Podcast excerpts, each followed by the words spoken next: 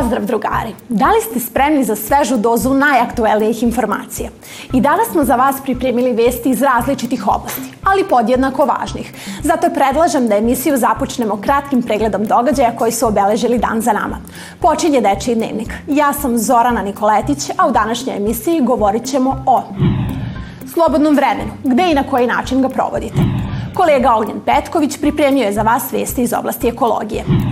Sve o vremenskoj prognozi zna naša Sofija Mandić. Tokom radne nedelje uglavnom imamo manje vremena za sebe, druženje sa drugarima, odlazak kod bake i deke ili, na primjer, za vožnju biciklom. Svi znamo koliko je slobodno vreme važno svakom detetu, jer tada punimo baterije za sve što nas čeka u školi, a pritom budemo i odmorni i spremni za nove radne pobede i sve domaće i kontrolne zadatke koje nas očekuju.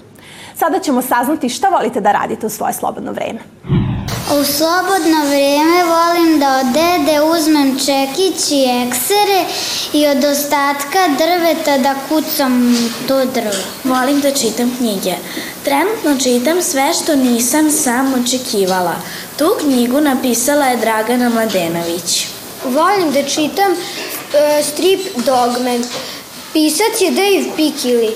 Crtam anime likove iz animiranih crtanih filmova a crtam ih sa svetlom i tamnim nijansama boja, flomasera i olovkama, a crtam ih u, na papiru u svesci. U slobodno vreme valim da čitam knjige, to me skroz zapušta, pogotovo kada uz to pustim neku umirujuću lepu muziku E, pre nekoliko dana sam pročitala knjigu Pet prijatelja u navoj avanturi, a sad planiram da pročitam Rene Gio Belagriva. U slobodno vreme volim da pravim stvari od papira i iz animiranih crtača.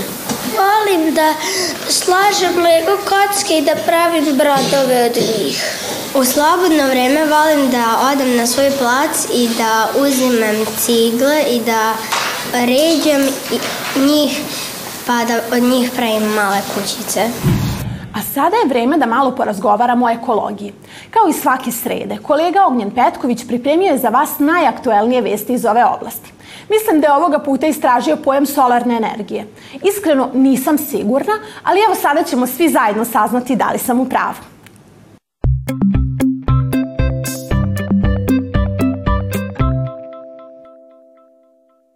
Pozdrav svima i dobrodošli u nove Eko Vesti. Hajmo odmah da pređemo na stvar. Da li ste čuli šta je to solarna energija? Hajmo odmah da pričamo o pojmu. Da li znate šta je to i za šta služi? Primarni izvor energije je sunce. Sada već verovatno znate da mnogo energije dobijamo upravo iz te prelepe zvezde. Ona nam služi da se zagreju kuće i da bi dobili struju. Kada koristimo solarnu energiju, ne koristimo neobnovljive izvore sa zemlje poput nafte i ulja.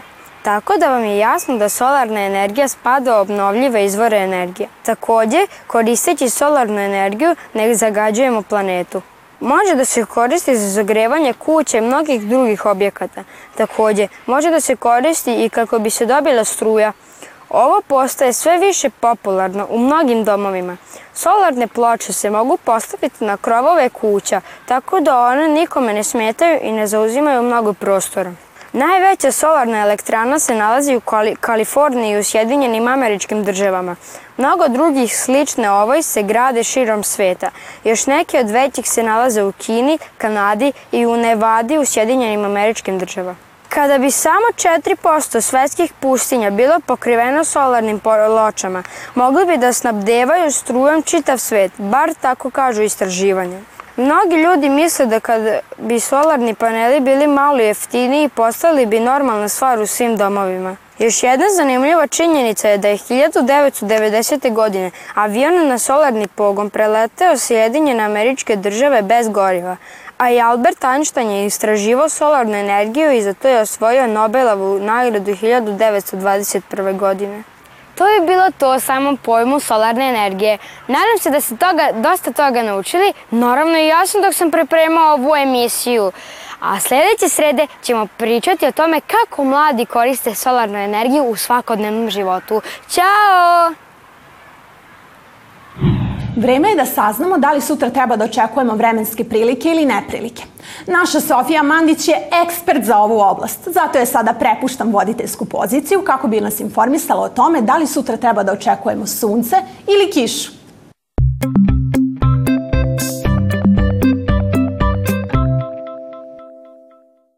Pozdrav i od mene. Znam da vas sve zanima kako će vreme biti sutra. Nemam baš lepe vesti. Za sutra su najavili nekoliko pljuskova. Temperatura će biti slična današnjoj, oko 18 stepeni. Šta da vam kažem, kada krenete u školu, obavezno obucite neku topliju jaknu kako se ne biste smrzli na putu do škole.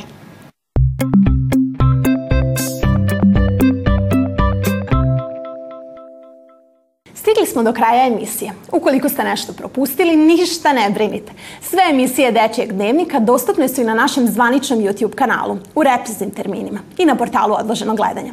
Hvala vam na pažnji i vidimo se sutra. Doviđenja!